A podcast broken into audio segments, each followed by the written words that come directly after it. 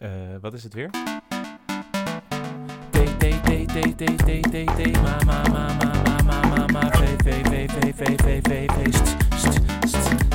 Themafeest. De periodieke podcast over thema's om lekker naar te luisteren. Welkom bij Themafeest.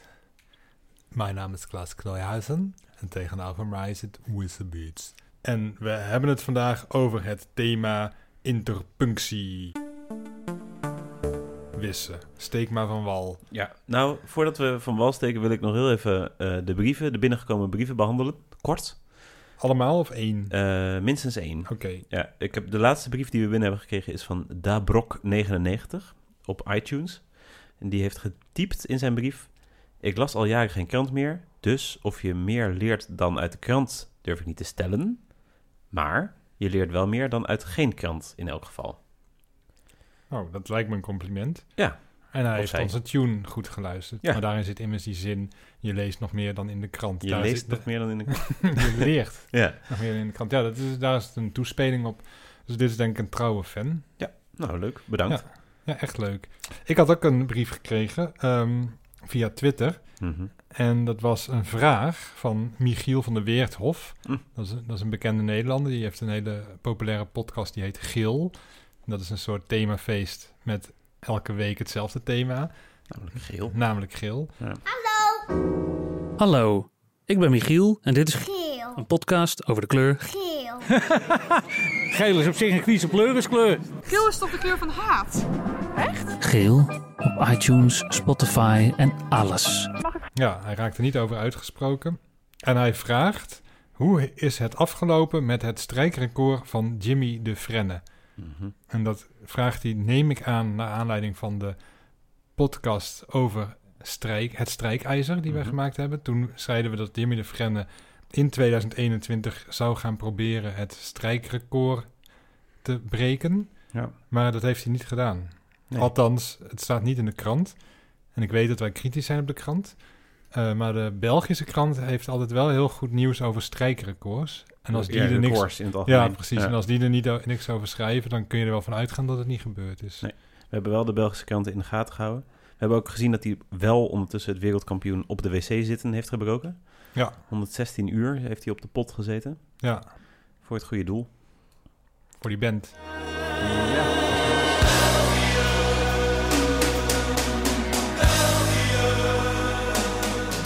Naar het thema. Interpunctie. Ja, ik Heb vroeg, jij, aan, ik eh, vroeg aan jou om van wal te steken. Toen Ja, dat is waar. kwamen deze brieven tussendoor. Maar laat ik dan zelf maar van wal steken. Oké, steek er maar van. Ja, interpunctie. Eh waar hebben we het dan over? Dan hebben we het over, eh, volgens de Vandalen, de plaatsing van de leestekens. Of de leestekens zelf. En met leestekens eh, bedoelen we dan dingen als het vraagteken, het uitroepteken, de punt, de komma, eh, maar ook obscuurdere tekentjes zoals het hekje, de obelisk, de tilde, ik noem er maar een paar op. Ja. Er zijn er heel veel. Mhm. Eh, ja, en het gebruik daarvan, dat heet, eh, noemen we interpunctie. En daar gaan we het nu uitgebreid over hebben. Dat is dus in geschreven taal. Ja, want zoals ik nu praat, hoor je heel duidelijk dat ik pauzes doe. En dan weet je precies ehm, waar... Nou, dan kan je heel goed volgen wat ik zeg. Maar in geschreven taal is het soms heel moeilijk... omdat je dingen op twee manieren zou kunnen lezen. Bijvoorbeeld de Taalunie had daar een paar voorbeelden van. Je kan schrijven... Ik hou van katten, eten en tv kijken. Heb ik het zonder leestekens uitgesproken. Kan je op twee manieren lezen. Je kan zeggen van... Ik hou van katten eten en tv kijken. Hm. Nou, dat zou raar zijn. Waarschijnlijk bedoelt de persoon... ik hou van katten, komma, eten en tv kijken. Ja, ze houdt van drie dingen en niet van twee. Ja, en het krijgt een hele andere betekenis. Ja. Eh, dus als je in je datingprofiel eh, dat schrijft... moet je goed op de interpunctie letten. Anders dan krijg je allemaal freaks achter je aan die denken, we gaan samen katten eten. En een andere zin was daar... opgelet, gevaarlijke hond, sluit het hek. Dat betekent dus... je moet het hek achter je dicht doen... anders komt er een gevaarlijke hond uit. Oh ja. Maar je kan ook zeggen, opgelet. Een gevaarlijke hond sluit het hek. Dan denk je, oh chill. Een gevaarlijke hond doet in ieder geval het hek dicht. Ja. Dan hoef ik dat niet te doen. Ja, en dan doe je dat scheelt. niet en dan krijg je een gevaarlijke hond achter je aan. Ja. Maar je kan ook nog lezen, opgelet gevaarlijke hond. ja, die- aan die dan denk ik, waarom schrijf je een bord aan een hond? Ja, Maar, nou, dus daarom is het belangrijk. Maar het is vooral, behalve belangrijk, ook heel erg leuk. Ik hou erg van leestekens. Oh ja? Ja. Ja, hou jij van leestekens? Ja. Heb je een lievelingsleesteken? Ja. Nou, eh, als je me dat had gevraagd voordat ik me erin verdiept had, had ik denk ik gewoon de komma of zo gezet. Omdat ik Mhm. altijd wel fijn vind als een zin nog niet klaar is.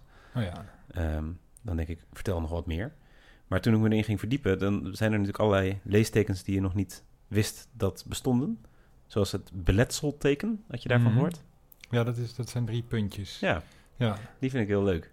Omdat je dan eh, nog wat aan de fantasie overlaat. Dus die Ja. puntjes die zijn meestal dat je iets niet helemaal wil uitschrijven. Dat je denkt van de, de, de lezer mag zelf ook nog wel even Mhm. nadenken. Ja. Ja, je hebt het ook vaak in strips, dan staat er bijvoorbeeld later, puntje, puntje, puntje. En dan, eh, da- dan zit daar vaak een clue. Ja. Dat hij eerst zegt van, ik ga me mooi niet laten gek maken door jou. En dan later, en dan zie je dat hij helemaal gek gemaakt is. ja, precies. Of eh, je kan zeggen, nou, dan kan je ook met puntje, puntje afsluiten. Puntje, Ja. puntje, puntje, moet ik zeggen. Eh, het beletselteken. En ik hou best wel van de punt komma. Juist omdat men het daar het minst eens is ja. over hoe je die eigenlijk inzet. Er zijn wel wat regeltjes, maar hij is toch redelijk vrij interpreteerbaar. En ik vind het dus heel leuk om als ik iets, als ik iets schrijf om te kijken of het met een punt of een komma of met een punt komma het beste werkt. Mhm. Sinds ik de punt komma ken, ja, ben ik, voel ik me echt een rijker mens als Ja. schrijver. Dus je, in jouw boek komt hij ook wel af en toe voor. Ja, af en toe. Ja. Ook best spaarzaam, maar wel op, op, op plekken waar ik echt eh, er vaak heel lang over nagedacht heb of die daar wel of niet moet staan. En Ja, dat dan heb uitgeprobeerd en eh, nou ja, het herschreven. Of eh, dan zet, maak ik er soms een punt van en dan. eh, dan dat is grappig, hè? Jij Ja. dacht omdat het een soort uitdrukking was. Ja, ik maak er een punt van. En dan lees ik het nog eens en denk van, ah, het moet toch een punt komma zijn of toch een dubbele punt. En dan, nou ja, en dan op een gegeven moment dan voel ik gewoon van, zo, zo is hij goed. maar dat is dus ook wel wat er leuk aan is, punt komma. Er zijn niet hele vaste regels over interpunctie. Er zijn wel een aantal regels, maar het is, het is niet helemaal dichtgegoten van wanneer je wat moet doen. Nee. Dus een komma mag ook een beetje een gevoelskomma zijn. Dat je denkt Ja, van, nou, ik ja met de komma kun je ook heel veel spelen. ja. Ook een vraagteken na een vraag plaats je normaal gesproken natuurlijk. Mhm. Die kun je ook weglaten. Bijvoorbeeld als je zegt, waarom zou ik? Oh, ja. dat, i- kan- dat is eigenlijk een vraag natuurlijk. Ja. Maar je kunt hem ook met een punt schrijven, vind ik tenminste. Ja. En dan krijgt hij net een andere betekenis. Juist als je er wel een Het is ook vraagteken een beetje zet. een retorische Ja, het is een beetje iemand- retorisch. Mensen gaan het wel eens beantwoorden, maar het hoeft niet. Dus eh, dat is ook leuk. Die leestekens die zijn niet allemaal op hetzelfde moment bedacht. Komen we zo nog even op. Mhm. Het is niet dat mensen opeens zeiden van... nou, dit zijn de leestekens, daar moeten we het mee doen. Nee. Eh, af en toe was er gewoon weer eentje nodig... of had iemand gewoon het gevoel van... ik kan mijn ei niet kwijt met deze leestekens. Ik, ik wil een nieuwe. Ja, Dus is ook het ehm, retorische vraagteken... eh, heeft ook wel eens kort bestaan. Maar die is gewoon zo weinig gebruikt... dat die weer een beetje vergeten is. oh ja. En zo zijn er nog een paar... eh, Ja, nou, dat vind ik dus eigenlijk wel fijn dat hij er niet is. Zodat ik zelf kan kiezen of ik achter een retorische vraag al dan niet een vraagteken plaats. Nou, dat is sowieso een heel ding met die leestekens. Van je, je bent eigenlijk een beetje aan het voorkouwen hoe iemand een tekst zou moeten uitspreken. Mhm. Het is ook wel lekker als je nog als een tekst een beetje multi-interpretabel of dat je een beetje moet nadenken om het goed te begrijpen. Want je hebt natuurlijk heel veel mensen die haast zonder interpunctie schrijven. Op, op het internet kom je dat veel tegen. Ja, Vooral, eh, in caps lock. ja, inderdaad, met bepaalde woede. ja. Ehm, en dat, dan denk ik wel van, oh, die mensen zijn misschien niet zo eh, goed met taal. Maar misschien zijn ze juist heel goed met taal. ja, En en laten ze heel veel laten aan ze de- aan de lezer over van, eh, kijk maar of jij mijn woedende uitroep, of je daar pauzes tussen wil doen, of dat je in één keer uit wil spreken. Ja, precies. Ja. Je hebt, je hebt nu toch heel veel millennials, of misschien is dat weer Gen Z. Wij zijn trouwens denk ik nog net millennials. Hm. Maar die hebben soms zinnen die dan geen vraag zijn, maar die spreken ze dan wel uit Ja, als een vraag. Dat is een beetje dat, zoals in dat Amerikaanse high school taaltje. ja. Eh, maar dat doen ze tegenwoordig ook soms in geschreven taal. Dus dan zeggen ze bijvoorbeeld, er komt hier een supergrote hond aan. Maar dan zetten ze daar een vraagteken achter. ja En dat is ergens heel storend, omdat, het, omdat je dat associeert met een bepaald type mens. Ja, dat hele zeurige vindt. Ja, heel zeurig. van de rijke Maar ik vind het ook wel weer Sweet vet 16. dat dat kennelijk gebeurt. Dat je dus Ja, een, dat je op die manier je, de manier waarop jij het in je hoofd hoort. ja, eh, want dat, dat is eigenlijk wat een vraagteken doet. Dat zegt Ja. eigenlijk, je moet een beetje omhoog gaan. dan zet je, doe je dat in een gesproken tekst of in geschreven tekst door er een vraagteken achter te zetten, terwijl het geen vraag is. Dus eigenlijk het tegenovergestelde van wat ik net zei. Een vraag zonder Ja. vraagteken, maar met een punt. Doen zij dus een niet-vraag met een vraagteken. Ja, nou, om prachtig de dat dat lezer kan. te Ja. helpen eh, ja, in het eh, goed voor zich zien hoe iemand het bedoeld heeft Ja. of uitgesproken zou ja, hebben. Ja. Ik vind het ook mooi. Dat is het leuke. Het is altijd Hoe, in hoe beweging. mooi is dat? Zou ik dat is ook weer eentje. ja. Hm. ja, zonder vraagteken. Ehm, nou, we, doen- we behandelen alles door elkaar heen, maar ik vind dat we toch ook nog even de geschiedenis in moeten duiken. Graag. Ja. Ja. Dus we hebben al een beetje eh, wat dingetjes verklapt. De geschiedenis is, is nog best wel lastig, omdat er natuurlijk heel veel talen zijn waarin allemaal los een beetje dit soort dingen zijn ontstaan. Dus het is moeilijk om te zeggen ehm, wanneer precies bijvoorbeeld de punt is bedacht. Het is namelijk ook nog zo dat in heel veel hele oude talen werden symbolen gebruikt. Eh, dus dan heb je wat minder. eh, bijvoorbeeld, de spatie heeft ook heel lang niet bestaan. Maar Chinese tekens, dat zijn allemaal losse woorden. Dus dan is een spatie ook minder relevant. Ja. En dus zo waren er ook nou, hieroglyphen en dat soort tekens. Ja. Die hadden ook geen spaties nodig. Dus pas toen het, eh, ja, het meer letterschrift is ontstaan, eh, werden op een gegeven moment ook spaties nodig. Die waren er dus eerst niet. Dus had je gewoon één hele lange reeks letters. Dat noemden ze scriptio continua in het eh, Latijn. En zo schreven dus de Grieken en de Romeinen eerst. En dan kreeg je een hele lange sliert. En daar deden ze dus ook... je- We zijn gewend om van links naar rechts te schrijven. Maar zij gingen dan ook gewoon de hoek om. Dus het werd als een slang. Werd Oh ja. gewoon een soort lange drol die helemaal naar beneden ging. Gingen ze zo om de hoek. Ehm, ja, gewoon maar doorschrijven en schrijven en schrijven. En dan was het aan de lezer om te bedenken waar spaties en punten en komma's en pauzes ook maar zaten. En om dan eigenlijk meteen, ja, misschien een beetje richting de etymologie erin te doen. Even kijken hoe we dat met de tune doen. Ja. Misschien dat nu zachtjes dan die etymologie tune op de achtergrond komt. ja, en dan, nog, dan niet de intro, maar alleen Nee, op de ja, precies. Ja. Ehm, want op een gegeven moment hebben ze dus bedacht van... oké, laten we tussen de woorden eh, punten zetten. En die punten die helpen ons met de uitspraak goed doen. Dus het is ook begonnen als een soort adempauzeplekken. Mhm. Wat ook heel nuttig was, omdat heel veel teksten voorgedragen werden. Eh, dan moest je weten als voordrager waar je een pauze kon laten vallen, zodat de boodschap goed overkomt. En die punten, er waren dus drie punten op verschillende hoogtes. Dat zijn eigenlijk de eerste eh, in de westerse talen, interpunctie. En interpunctie betekent dus ook letterlijk eh, tussen, punten. ja. Ehm, nou, dat was de etymologie. Maar toen, toen waren er dus nog maar drie leestekens. Dus je had drie soorten punten. Ehm, en toen heeft het eigenlijk nog best wel een tijdje geduurd voordat die andere leestekens erbij kwamen. De vraagteken en de uitroepteken zijn denk ik de meest gebruikte. Dat Ja. zijn zogenaamde eindleestekens. Dus het punt en een vraagteken en een eindroepteken. Eindroepteken. een punt, een vraagteken en een uitroepteken zijn de enige drie leestekens waar je een zin mee mag eindigen. Ja. Met de andere mag het gewoon niet. Weet jij wat ouder is? Het vraagteken of het uitroepteken? Hmm. Het voelt een beetje als een soort kip-ei-vraag. Want iemand die moest een domme vraag stellen. Als, de eerste vraag was waarschijnlijk dom. En toen gaf iemand heel hard antwoord van... nee, natuurlijk niet. En die gebruikte meteen het uit. Dus Ja. ik denk eerst het vraagteken. Want daarna ging iemand antwoorden dat het een domme vraag was.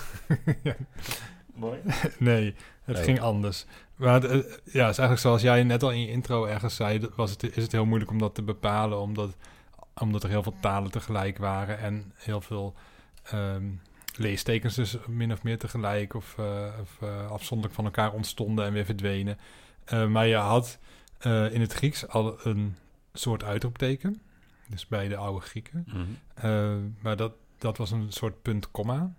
En later hadden de Romeinen ook een uitroepteken. En dat was niet echt een teken, maar het woord io, io. Hm. En dat was een uitroep van vreugde. Oh ja. Dus als je iets heel vet zei, dan zei je...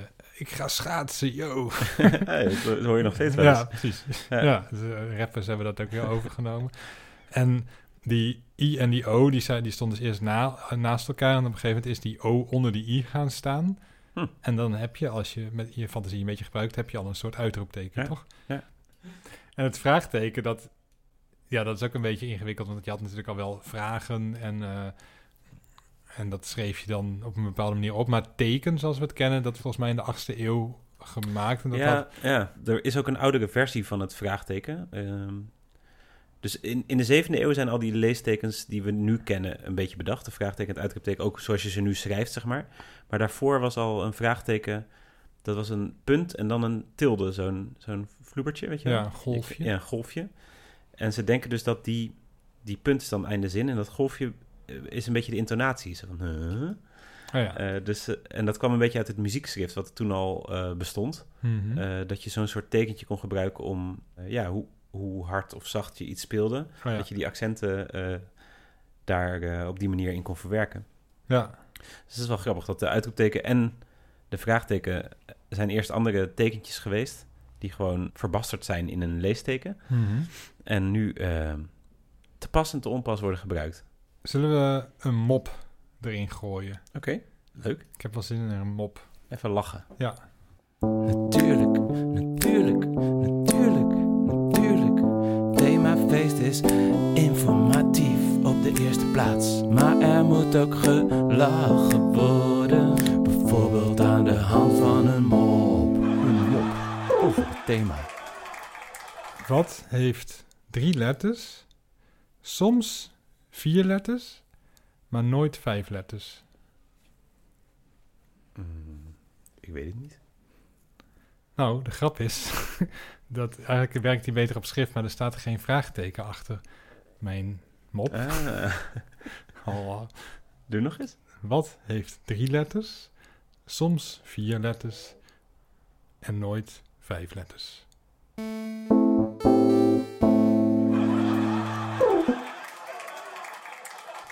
Zeg jij wel eens een leesteken?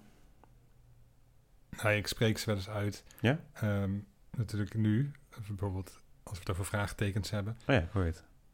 Maar ja, verder niet. Ju- Juist het idee is volgens mij van een zin dat je dat niet hoeft te doen, toch? Vraagteken, dat hoeft Ja, dus niet. Het grappige is dat het dus bedacht is om het zo te kunnen schrijven als je het ook zegt. En dat mensen ze soms nu ook zeggen.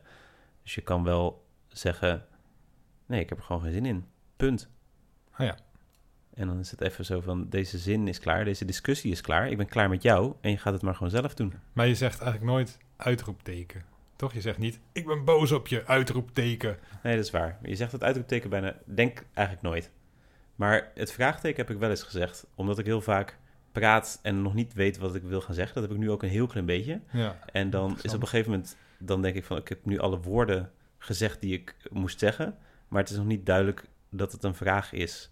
Dus zeg ik nu aan het eind op de vraag of jij het begrijpt, vraagteken, zoiets. Ja. Eh, dit was niet helemaal perfect nee, maar ik denk maar dat onze snapt- luisteraars het ja, wel die zijn ook snappen. niet dom. Die zijn helemaal niet dom. Nee. Dat zie je het zo. Wat een voorbeeld eh, is van talen waarin ze wel letterlijk leestekens zeggen. Dus dat gebeurt ook. Dus je hebt talen waarin je, het geen tekentjes zijn, maar gewoon woorden. Mhm. Dus dan zeg je min of meer gewoon... Of dan schrijf je een vraagteken aan het eind van je Oh ja. zin. Maar dat zeg je ook. Dus bijvoorbeeld in het Chinees... Als je zegt ni hao, dat betekent een beetje how are you. Maar het betekent heel erg op de Engelse manier how are you. Je verwacht ook geen antwoord. Dus als, Nee. je, als ik zeg ni hao, zeg jij ook ni hao. Ja. En dan, nou, prima. Maar als je zegt ni hao ma... En ma betekent dan echt vraagteken... Dan verwacht ik ook echt een antwoord van jou. Ja, het wil je weten is- hoe het met me gaat. Ja. Ja, precies. Maar dat is helemaal geen normale vraag in China. Maar mensen die Chinees leren, die vragen dat wel eens... omdat ze dan gewoon letterlijk eh, denken van... nou, er moet een vraagteken achter natuurlijk. Dus ik zeg ma. Die, dat is een hele vreemde vraag om daar te stellen. Dat je zegt van, hoe gaat het? Dat, dan denk ze, hè, hoezo? Wat, heb ik, zie ik er slecht uit of zo? Ja. Heb ik mijn been gebroken? Of, of dat vraag je alleen als er echt iets heel erg Oh ja. is, zeg maar. Wat daar bijvoorbeeld een logischere vraag is om te stellen van... heb je lekker gegeten? Of hoe was het eten? Eh, dat is een beetje een soort hoe gaat het-achtige ding. Dat is Mhm. de small talk, zeg maar. Ja. Dus wij zeggen hoe gaat het? En zeggen ja, goed, goed, goed. Maar dat, eh, dat niet. rustig. Ja, ze hebben niet daar zijn gangetje. Ja, druk, druk, druk. Je kent het wel. In andere talen is het altijd maar weer anders. Zeker. En, eh, heel opvallend is natuurlijk dat kennen sommige mensen die de Spaanse taal enigszins Mhm. machtig zijn. Dan heb je natuurlijk dat omgekeerde vraagteken. Dat een Zie. vraag tussen twee vraagtekens staat, waarvan de voorste dan omgekeerd is. Mhm. Dat doen ze omdat in de meeste andere talen, als je een vraag stelt, dan draai je de woordvol, woordvolgorde om. Hè? Dus ik zeg, ehm, het gaat goed met jou of gaat het goed met jou? Ja. En een Spanjaard die zegt gewoon, het gaat goed met je of Het gaat goed met je. Ja, volgens mij heb ik dat dus ook wel eens. Doen, doen Spanjaarden dat dus ook in andere talen? Dus als zij Engels praten, dan kunnen zij zoiets zeggen. So you're fine. Maar dan wel met een vraagtekenachtig eind. Ja, Maar dan is het meer zo van, hè, is dit nou, heb jij dat nu geconstateerd dat ik prima ben? of is het een vraag of het prima met me gaat? ja. Daar kunnen ze niks aan doen. Nee, zo zijn ze opgevoed. En in Duits dan? In Duits doen ze dat niet met die vraagtekens. Ze hebben trouwens wel dat ze uitroeptekens net iets anders gebruiken, net iets vaker. Bij elk gebod, dus eh, ga zitten, dan staat er een uitroepteken al achter. Hoe Ook is niet verplicht, maar... is. Sorry? Ook ja, als ja, precies. ja, Ook als vriendelijk bedoeld is. Dat is, dat is de norm, zeg maar. Je mag er best van afwijken. Ook de Duitsers zijn niet zo rigide Hm. als wij soms denken. Maar in principe is het het idee dat je daar dan een uitroepteken achter zet. Terwijl wij dat niet doen. En in de Donald Duck, dat is niet echt een taal, maar meer een strip. Mhm. Daar spreekt elke Duckstadbewoner, die, die schrijft, tenzij die een vraag stelt, achter elke zin een vraagteken. Ik weet niet zo goed waarom dat is. Een vraag, een Een uitroepteken. Ja, sorry, ja. Ja, precies. Ja. Roepen, Hoi oom Donald, uitroepteken. Wij gaan met Lego spelen, ja, uitroepteken. dat is waar, ja. Alles is een statement, een Ja. soort, joepie, we gaan dit doen, we gaan dat doen. Ja, Ik wil nog eventjes het hebben over verdwenen leestekens. Vind je dat oké, goed? ja, graag. Leuk. Eh, er zijn namelijk best wel wat... Dus die leestekens die zijn altijd in ontwikkeling. Er komen af en toe leestekens bij. En zo heeft ook een hele grote groep eh, schrijvers wel eens gepleit voor het ironieteken. Mhm. Waaronder Harry Mulisch bijvoorbeeld. Oh. En Jan, hoe heet die? Frederik Willem Hermans. Eh, ja, die, die, dat is een soort bliksempje met een punt eronder. Hadden zij bedacht. De- er is veel gepleit voor een ironieteken van... deze zin moet je met een korreltje zout nemen. Ja. Eh, en daar zijn ontwerpen voor gemaakt. En ik, ik weet niet of zij dat ontwerp van dat tekentje hebben gemaakt. Maar dat ironieteken, daar is veel, eh, nou, veel vraag naar geweest. Maar toch is het er niet gekomen. Nee. Omdat er ook wel weer grote tegenstanders van waren, ook in de literatuur. Die zeiden van je moet niet het er dik bovenop leggen dat het ironisch is. Want dan is de hele subtiliteit van ironie ja, weg. ben ik het mee eens. Ja, ik ben het er ook mee eens. Terwijl ik, ik had Harry toch hoog zitten. Maar ehm, Ja, maar het is wel natuurlijk, je hebt nu eigenlijk de knipoog. Het Ja, kni- knipoog precies. emoticonnetje ja, is eigenlijk een soort ironieteken, toch? Of Ja. in ieder geval, dus daarmee zeg je wel, ik maak een grapje. precies. En dat is ergens, vind ik dat ook soms lelijk. Omdat je denkt, van ja, als, je, als, als mensen niet eens snappen dat dit een grapje is, dan...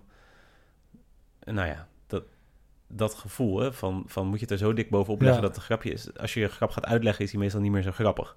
Dus de, ja, de, de gevoel, de fijn besnaarde, ironische opmerking is Mhm. meteen verzopen door zo stom erbovenop te leggen. Ja, dan... Trouwens, dit was ja, ja, dat is helemaal niet leuk. Nee, precies. Maar het, is, maar het is ook soms onhandig inderdaad, zeker met mensen die je niet zo goed kent, als je een mailtje stuurt naar je opdrachtgever of zo, Ja. dat je dan iets zegt waarvan je denkt van ja, misschien vindt deze persoon dat wel heel erg.